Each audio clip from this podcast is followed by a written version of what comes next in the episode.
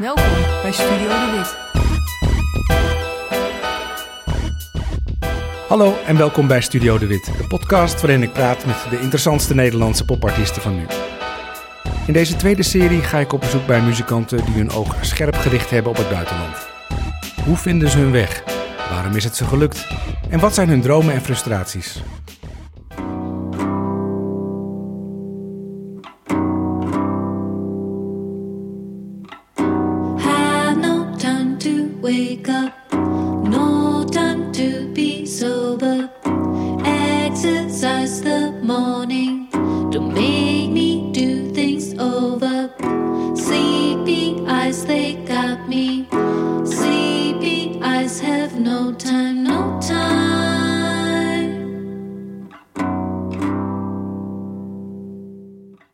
Tadic is de zangeres, songwriter en centrale persoon in Erie Wanda, een van mijn favoriete Nederlandse bands.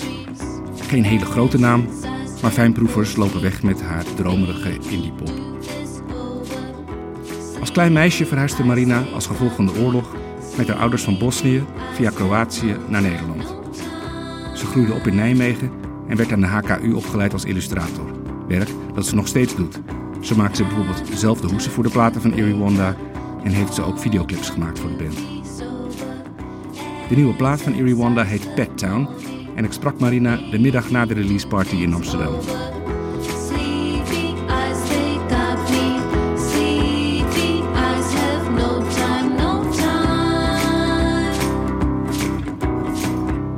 Misschien eh, voor, omdat veel mensen je misschien nog niet kennen. ik ben me benieuwd een beetje naar iets naar je, naar je achtergrond. Ehm, hoe oud was je toen je naar Nederland kwam? Ik was ongeveer vijf of zes jaar oud. En jullie kwamen uit Bosnië? We zijn toen eerst uit Bosnië naar Kroatië gegaan. Eh, want wij, wij zijn, ik ben geboren in Bosnië, mijn ouders ook. Maar we zijn Kroatisch. En eh, toen het oorlog werd, zijn we naar Kroatië gegaan. En daar hebben we een tijdje gewoond. Totdat ik een jaar of vijf, zes was. Toen zijn we naar Nederland gekomen. Heb je nog, nog herinneringen aan die tijd daar? Zeker, ja. Naar, aan Kroatië wel. Bosnië was ik te klein, maar eh, Kroatië heb ik wel mooie herinneringen aan. Heb jij het idee dat die achtergrond jou ook als kunstenaar, muziek, vormgeving heeft beïnvloed? Of je, of de, of je, je carrièrepad? Of... Waarschijnlijk wel, want je, ja, als je dan toch eh, ergens in een ander land opgroeit, heb je, heb je al een soort idee van, oh, ik ben anders, ik ben een outsider. Dus je gaat meer eh, ja, in je eigen wereld leven en eh, je ontwikkelt een grotere fantasie daardoor, denk ik. Niet per se, maar ik denk dat het, als het me heeft beïnvloed, is het op die manier. Ja, want je zou ook kunnen denken van, je gaat, ik ga zoeken naar meer zekerheid of zo. En Ja, dat dan zou ga ook je, kunnen. Dan ga ja. je juist niet naar de, naar de HKU ben je geweest. Ja, ja. Nee, klopt. Ja, het is ook gewoon mijn persoonlijkheid. Maakte je al muziek toen je naar de HKU ging? Ja, ik begon met gitaarspelen toen ik 14 was. Dus ik speelde altijd wel in mijn eentje thuis. Maar pas, ik stond pas voor, op het podium toen ik eh, werd gevraagd door Hugo van der Poel om in Earth Mark II te spelen. dat was mijn eerste podium. eh. Dat was je, je eerste band waar je alleen gitaar in speelde. Precies, Nog niet zong, ja. hè? Ja, af en toe koortjes. En is het, is het toen echt, pas echt gaan kriebelen? Of had je toen al echt de ambitie van ik wil ooit mijn eigen band?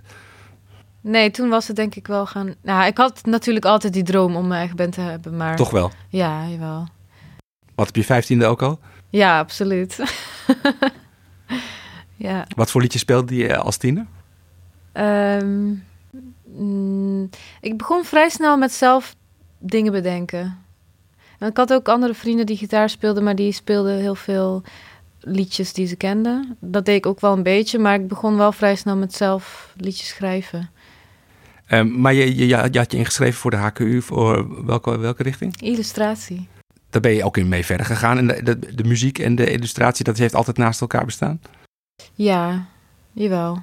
Eh, ik maak nu nog steeds beeldende dingen. Je hebt eh, je albumhoezen gemaakt Precies, ja. en een paar videoclips Ja, en posters vooral. ja. Is het iets wat je wat je, waar je nog steeds je, eh, een deel van je hart ligt? Of is het echt van, ik doe dit alleen nog omdat ik niet 100% de muziek kan doen? Mm, nee, ik denk dat ik altijd wel ook zal tekenen en ontwerpen. Ik vind het ook heel leuk om te doen. Maar het is, ja, muziek is wel mijn grootste passie. Mhm. En je noemde net eh, eh, je eerste band. Hoe lang heb je daarin gespeeld? Poeh, eh, volgens mij niet zo heel lang. Misschien een jaar of zo. En kon je daar iets van je eigen liedjes ook in kwijt? Nee, dat was gewoon Hugo's project. Ja. Ja. Was dat frustrerend? Nee. Dat wist je gewoon. Ja joh, nee. Dat was gewoon hartstikke leuk om te doen. En de podiumervaring op te doen. Ja, ook goed. Ja. En jullie speelden in heel Nederland? Ja, we hebben best wel leuke di- dingen gedaan. ehm. Into the Great Wide Open hebben we ook gestaan. Ja, nou. Dus dat is best wel leuk. Wait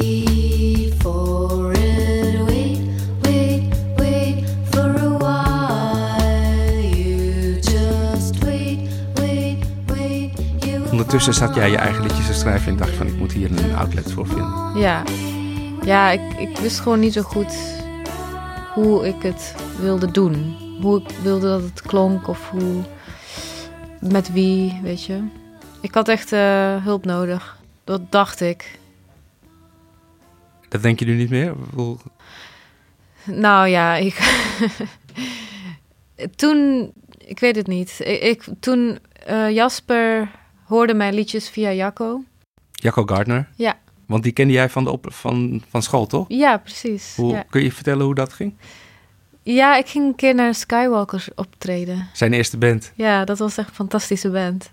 Het is nog steeds een van mijn favorietste dingen die Jacco ooit heeft gedaan. En wat, jij kende hem van je studie en je sprak hem aan. En Nee, ja, het was, ik, ging gewoon met een vriendin naar zijn show en toen hebben we gedanst en het was heel gezellig en toen werden we bevriend. maar dat is best wel een belangrijke ontmoeting geweest voor de, voor de rest van jouw ja, eh, muzikale wel. carrière. Ja, ja, ja. Want het heeft een aantal Ja. dingen in, in beweging gezet. Precies, ja. Het is mooi hoe dat gaat, hè? Ja. Eh, want vertel eens hoe dat ging. Ik schreef toen liedjes gewoon met gitaar en ik nam mezelf een beetje op. Toen heb ik het een keer aan Jacco laten horen en toen vond hij dat ik wel talent had. En hij dacht, oh Jasper zou dit leuk vinden. Dus hij heeft het doorgestuurd naar Jasper. En Jasper vond het ook heel leuk. En hij zei, laten we samen een plaat maken. Dan ben je eigenlijk net begonnen en dan denk je al meteen na over een plaat maken. Ja, dat was eigenlijk de eerste insteek van kom, we gaan een plaat maken. En nog niet eens met het idee van kom, we gaan een band vormen en daarmee optreden.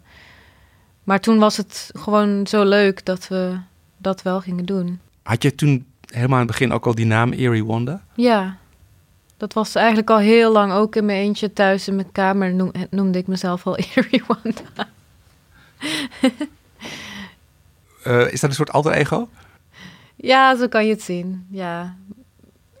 Ja, het is niet alsof ik me dan eh, eh, een andere persoon voel op het podium, maar het is, het is een character die ik voor me zie. En wat, wat voor iemand zie je dan voor je? Ehm, ja, een beetje een outsider, eh, dromerige weirdo. Misschien ben ik dat wel gewoon. Eh, het is misschien iemand die in een film van David Lynch zou ineens zou opduiken op een Dat zou, podium. dat zou kunnen, ja. ja. Ja, ik weet het niet. Ik heb het nooit zo heel erg uitgedacht, weet je. Het is ook gewoon dat ik dacht, oh ja, dit klinkt leuk. Ja, maar En- Wanda is echt zo'n all-American naam. Klopt, ik zie meteen ja. een soort van eh, gezellige tante voor me in Ja. een diner of zo. Ja, En maar Erie, dat is, Ja. wat betekent dat precies? Een soort van... ja onheilspellend. Ja. Ja. ja. het is... Ik weet niet. Ik hou ook wel van, van zo'n soort sfeer. Iets wat, wat een beetje griezelig is en wat je niet kan plaatsen. De mysterie, de mysterie, ja. En eh, komt, waar, haal je, waar haal je dat vandaan? Komt het uit literatuur of film of, of andere muziek? Ik denk film, ja. En vroeger keek ik altijd naar, als kind keek ik naar eh, Erie, Indiana. Kijk, En dat is misschien waar het wel vandaan komt. dat is een tv-serie, toch? Ja, dat is eh, in begin jaren negentig gemaakt. En ik vind het nu nog steeds echt fantastisch als ik het zie. Het is echt heel goed. het gaat over twee jongens, Marshall en Simon. En die wonen in een klein stadje in Amerika. En in elke aflevering gebeurt er iets heel raars. Het is een beetje zoals de Twilight Zone, maar dan anders, moderner. En ja, En fantaseerde je dan dat jij zelf ook in die wereld rondliep? ja. Nou ja, vroeger, ja, ik ging helemaal op in die serie. En Eerie Wanda zou een, een karakter uit die Ja, ja. serie kunnen zijn. Ja, zeker, ja. She went away to a foreign land, never been heard from her again. Followed the line. Je noemde net eh, Jacco Gardner. Tijdens mijn gesprek met hem eh, viel het me op dat hij echt al helemaal vanaf het begin... eh, zijn eerste singeltjes kwamen al uit op labels in Spanje en Amerika en zo. Die was meteen heel erg op het buitenland gericht en niet zozeer op Nederland. Mhm. Ehm, en, en jouw eerste plaat kwam ook meteen via een label uit Ja. New York uit. Mhm. Beyond is Beyond Records. Eh, Was je door Ja- Jacco beïnvloed om het meteen maar over de grens te zoeken? Of was het je, had je al zelf veel contacten gelegd? Is niet dat ik dacht, oh Jacco doet dit in het buitenland, dat wil ik ook. Nee. Ik voelde al aan dat het beter zou werken. Of dat, dat het daar beter zou vallen op de een of andere manier. Ik weet niet waarom. Omdat jouw muziek, de muziek die jij maakt, misschien in Nederland niet per se eh, gangbaar is? Ja, weet je, ik snap het niet zo heel erg, want het is heel toegankelijk eigenlijk. Ja. Maar toch heb ik het idee dat het meer wordt geluisterd in Amerika, maar ook in Frankrijk.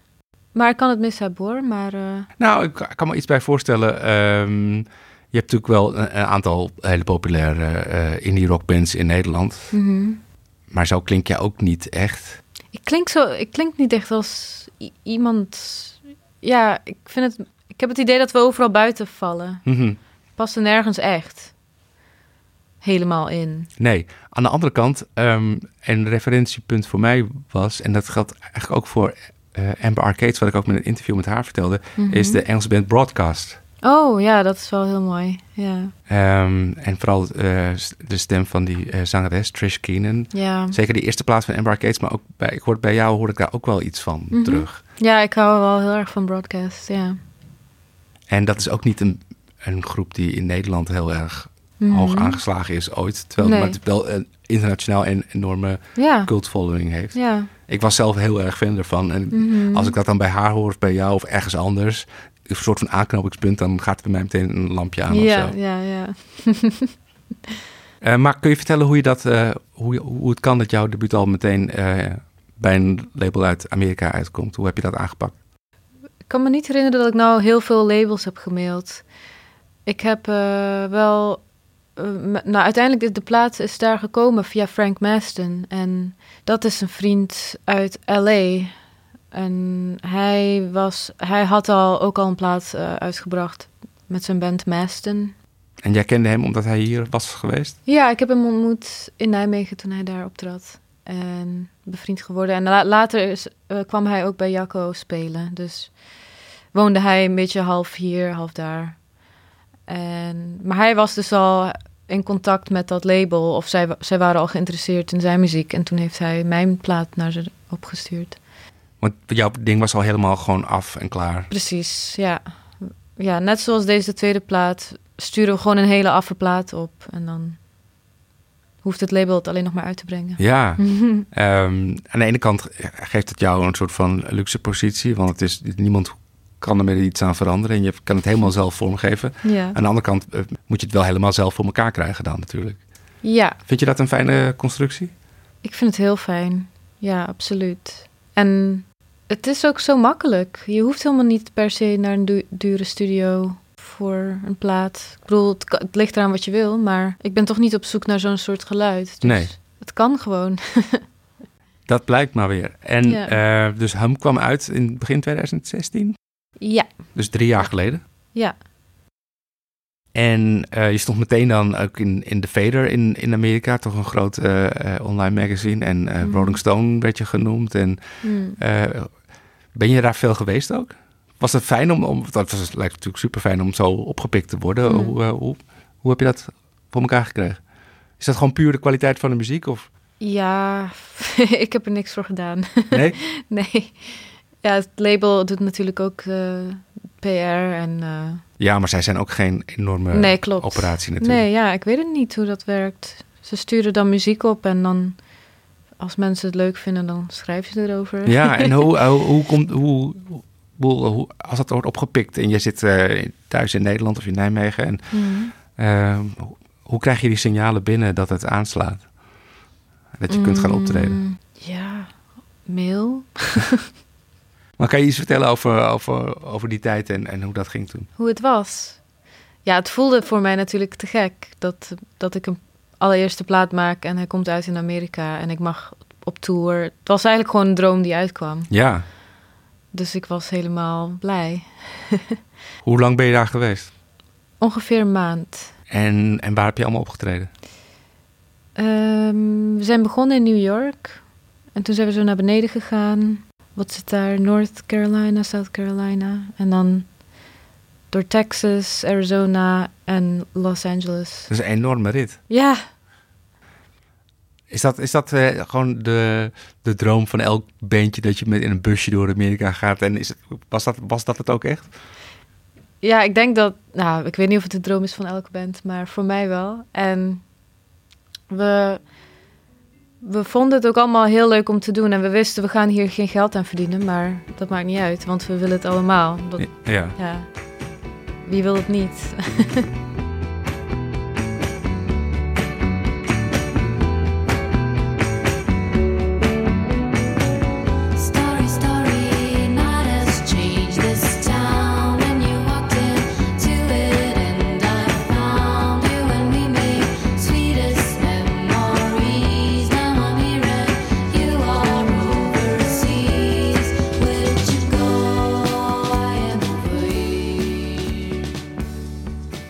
nummer van die plaat eh, wat het meest aansloeg is I Am Over Here. ja. Heeft- Dat heeft, eh, als ik kijk op Spotify, echt het, de meeste streams. Het is misschien ook wel mijn favoriete nummer. Je speelde het eh, gisteravond ook ja. nog steeds. Staat nog steeds op je setlist. Heb je een, enig idee waarom uitgerekend dat nummer zo aanslaat? Tja, ik denk... het is een feel-good nummer. En mensen worden er waarschijnlijk blij van als ze het horen. En er zit zo, gewoon zo'n ritme in. En Weet je nog wanneer, wanneer je het schreef en, en waar Ja. het vandaan kwam? En, ja, ja het is, eh, was een liedje voor iemand.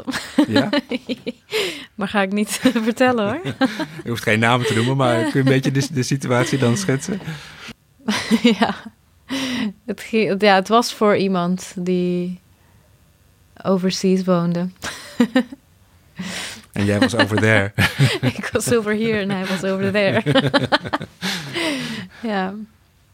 En eh, dat, is dat dan een soort, soort brief? Hoop je dat iemand het, dat op, het, het begrijpt waar het over gaat? Of heb je het specifiek naar iemand ook toegestuurd? En, ja, ik heb het, het was echt voor iemand. Ja, een liefdesliedje. Ja, En heel, heel persoonlijk. Ja, Hoe is dat dan om zoiets te delen en dan te merken dat ook iedereen dat ook juist dat nummer heel erg Ja. mooi vindt? Ja, nou ja, weet je. Ik denk dat ja, liefdesliedjes zijn. dat vinden mensen leuk om te horen. En vooral als je zelf ook verliefd bent. Ja. Eh, ja, dat gaat nooit verloren. Nee. En schijnbaar Never als- gets old. Never gets old. En als je het, als je het dan nog echt meent ook nog, als, Ja. je, het, als je het maakt. ja. Kennelijk komt daar toch nog iets van, van over dan, hè? ja, dat zal het zijn.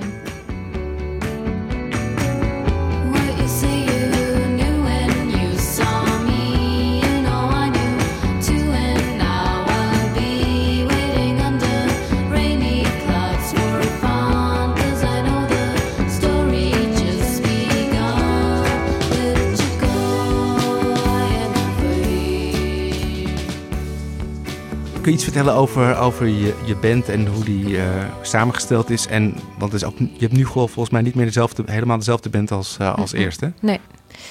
Nee, vroeger sp- speelde ik met Jasper, eh, Nick Mauskovic, van de Mousewitch Dance Band. En Bram Vervaat. En hij is, Bram Vervaat is gestopt. Hij, wil, hij wilde niet meer optreden. En Nick, die is hartstikke druk met zijn band natuurlijk. En Jasper is ook heel druk, maar op dit moment niet. Dus hij speelt wanneer hij kan. Ook met jou? Ja. Want jij je schrijft alle liedjes zelf. Mhm. Neem je het ook op met, met de band?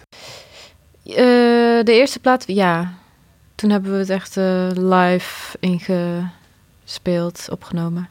De tweede plaat, Dat is de nieuwe dat Pet is de nieuwe, ja. Die hebben we allemaal apart van elkaar opgenomen. Want eh, het is een hele mooi geproduceerde plaat, eh, gearrangeerd. Ehm, jij speelt gitaar, je schrijft liedjes ook op gitaar. Mhm. Ehm, hoor je dan al in je hoofd hoe het zou moeten gaan klinken? En moet je het dan gaan uitleggen aan, aan de mensen hoe je het graag wil hebben? Mm, nee, ik hoef niks uit te leggen. eh, meestal. Want ehm, in mijn de- demo's zit al. Het is al, het is al vrij duidelijk dat. eh, nou ja, hoe moet ik het zeggen? De liedjes zijn al best wel af. Dus. Het is niet alleen jouw stem en de gitaar op de demo. eh, wel, vaak wel. Maar vaak zit er ook een tweede gitaarlijntje in. Of een koortje.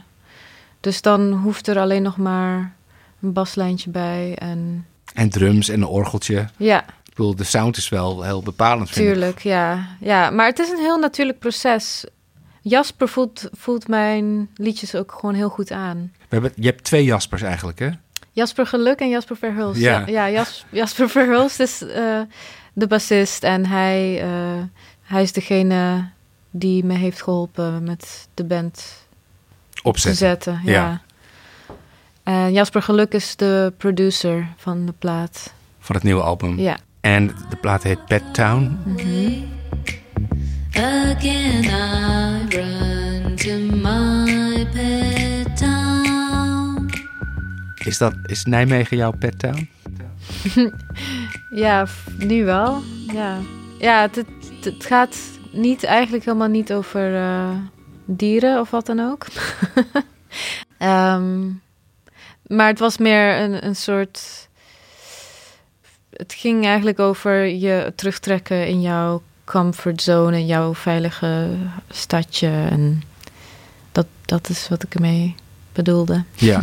maar dat verwijst dan dus dan ook echt naar waar, waar jij leeft? Ja, maar ik denk, ik, ik probeer altijd te schrijven vanuit een universeel gevoel, weet je. Ja, Het gaat kan- niet over mij. Het gaat niet over Nijmegen. Het kan, Nee, als je kan- dat, Ja, precies. het kan ook gewoon eh, de grote stad, jouw, ka jouw kamertje daar zijn. precies. Ja, ja.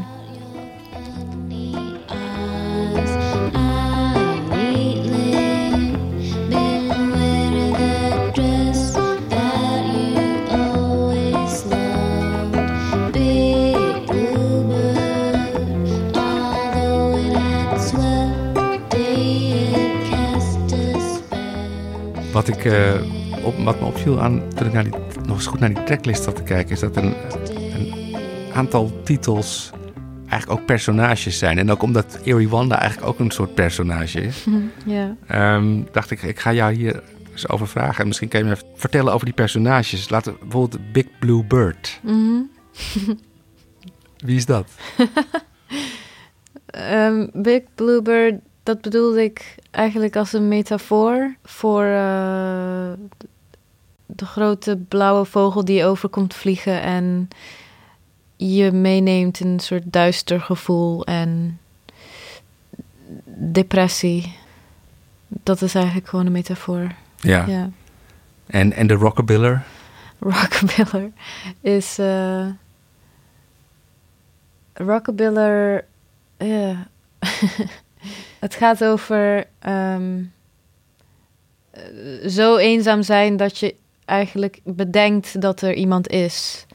En dat je, die, eh, en dat je eigenlijk alles aan diegene weggeeft. En dat diegene jou eigenlijk controle over jou heeft. Je had het net over depressie, nu over eenzaamheid. Eh, Dat zijn best wel intense gevoelens. het, het- het was, het is, ik vind het geen deprimerende album of zo om Nee. naar te luisteren. Nee. Ehm, is het voor jou ook een soort van middel dan om dat soort gevoelens om te zetten in iets wat gewoon heel mooi is? Ja, precies. Het, het, het, eh, ik zie ook schoonheid in eenzaamheid. En dat, dat wil, wilde ik vangen. Hoe, hoe benader je zoiets?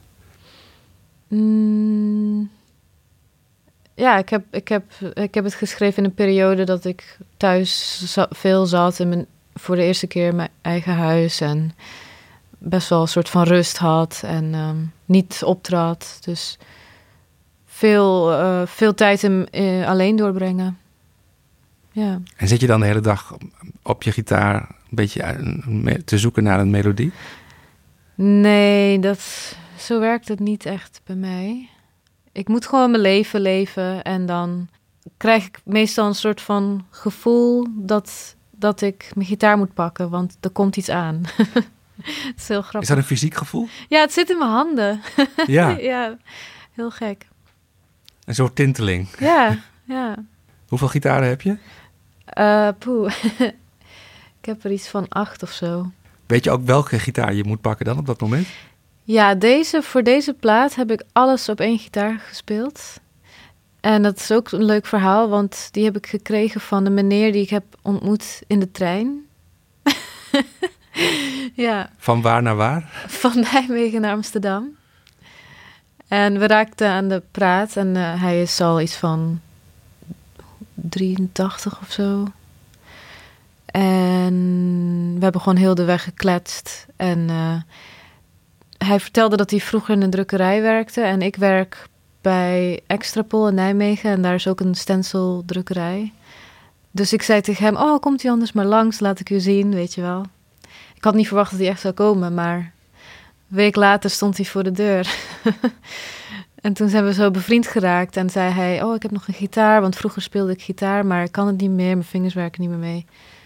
En toen kon ik het eerst niet aannemen, maar hij bleef doordringen en hij zei, ja, maar hij staat hier maar. En het was zo'n mooie gitaar, uit de jaren 40, akoestische. Dus heb ik hem uiteindelijk toch aangenomen.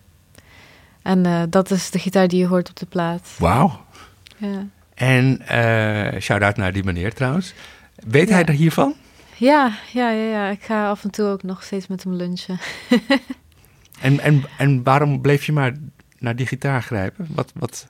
Hij speelde zo lekker en hij klonk zo mooi. En ja, eigenlijk die gitaar heeft me ook geïnspireerd tot bepaalde liedjes. Want ik ging er ook door tokkelen en dat...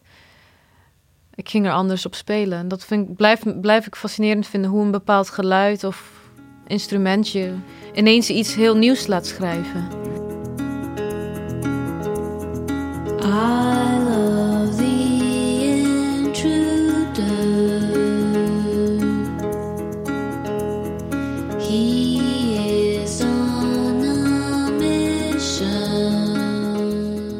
Laat, ik, he- laat ik even verder gaan met mijn, met mijn lijstje personages.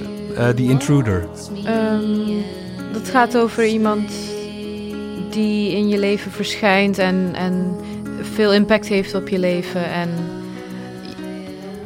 en je daardoor echt een soort laat evolueren bijna. Ehm, Een intruder in een zeer positieve zin.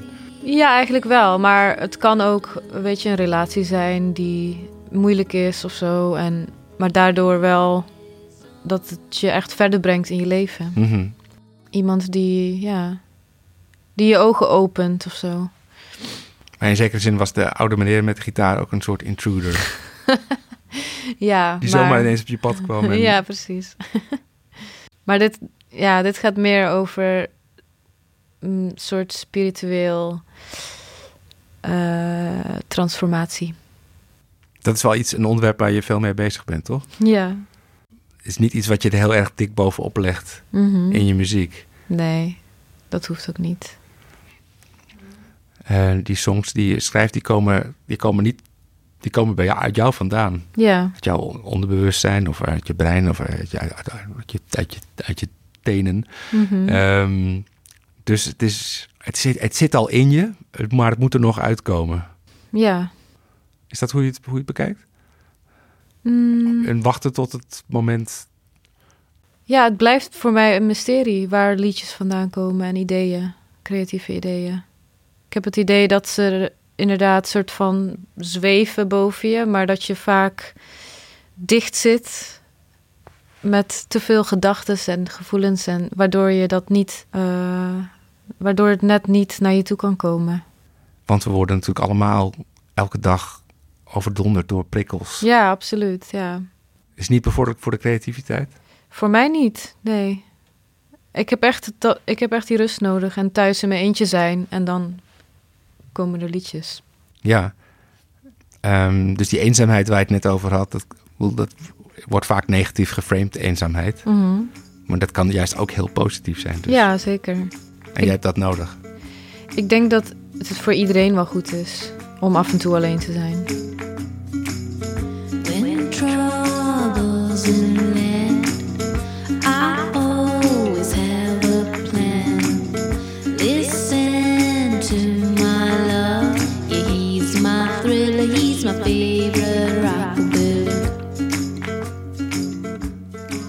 Ehm, deze nieuwe plaat Pet Down is niet weer bij datzelfde label uit, eh, uit New York uitgekomen. Je, Ja. je bent naar, weer een groter label, ook in de Verenigde Staten gegaan. Klopt. Eh, Joyful Noise. Eh, er zitten echt, ik zit even te kijken vandaag, eh, echt zeer gerenommeerde namen daar. of Montreal, Deerhoof, Mhm. Lou Barlow, Japan Droid. Dat zijn echt grote indie rock namen. Mhm. Daar sta je nu ook bij. Dat is een flinke eh, groot label. Hoe ben je daar terecht gekomen?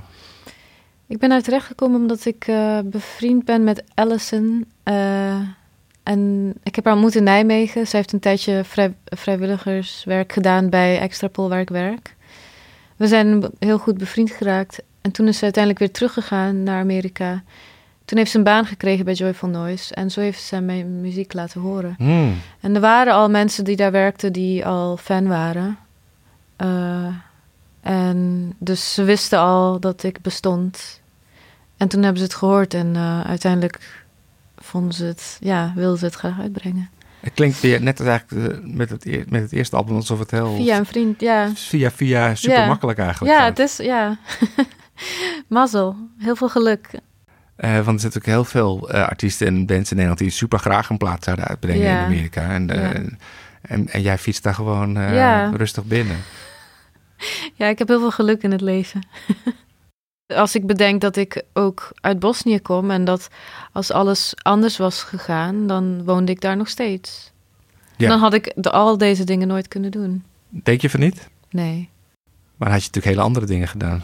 Ja, ja. Je weet dat, dat weet je natuurlijk nooit. Nee. Maar, En die oorlog ging op een gegeven moment ook wel weer over. mhm. Er is natuurlijk enorm veel verdriet en schade aangericht in die re- hele regio. Heb je het gevoel dat je iets aan iets verschrikkelijks ontsnapt bent? Ja, zeker. Maar dat komt door, door mijn ouders dat ze slim genoeg waren om weg te gaan. Want er zijn ook mensen die daar gewoon zijn gebleven. Ja. En je, maar je ouders zijn ook niet meer teruggegaan. Dat had natuurlijk ook gekund. Ja, nee. Nee, ik denk dat ze toen in Nederland aankwamen wel zagen van... oké, hier is het gewoon fijn en veilig. Je, het is daar gewoon heel lastig. Lastig leven. Jij bent nu gewoon Nederlands. Je zit hier eh, goed, stel je net zelf. Maar kan je ook voorstellen dat jij misschien wel naar Amerika verhuist op een gegeven moment? Ja, dat zou best kunnen. Ik, ik sta helemaal voor open wat er gebeurt. En voor de muziek is het daar wel heel leuk om te zijn. Daarom. Ja, You switched on the line. Ik vind het echt een ont- ontzettend mooi plaat, Bed Down. dankjewel. Echt het eerste tot en met het laatste nummer. En ehm, als mensen die luisteren eh, het album nog niet gehoord hebben, dan moeten ze dat meteen doen na het einde van deze podcast. Eh, Marina, ontzettend bedankt voor je komst. Dankjewel.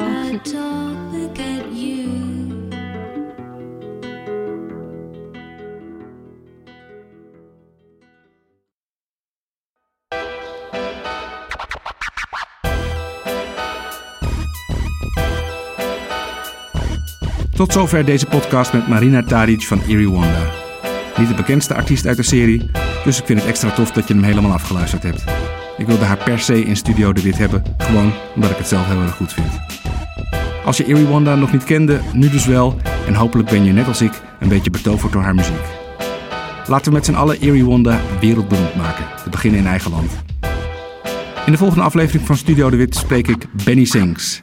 Hij is big in Japan. Studio De Wit is een productie van Dag en Nacht Media met regie en montage van Lieke Korps. Luister ook naar de Studio De Wit playlist op Spotify met daarin alle muziek uit alle afleveringen. Bedankt voor het luisteren. Tot de volgende keer.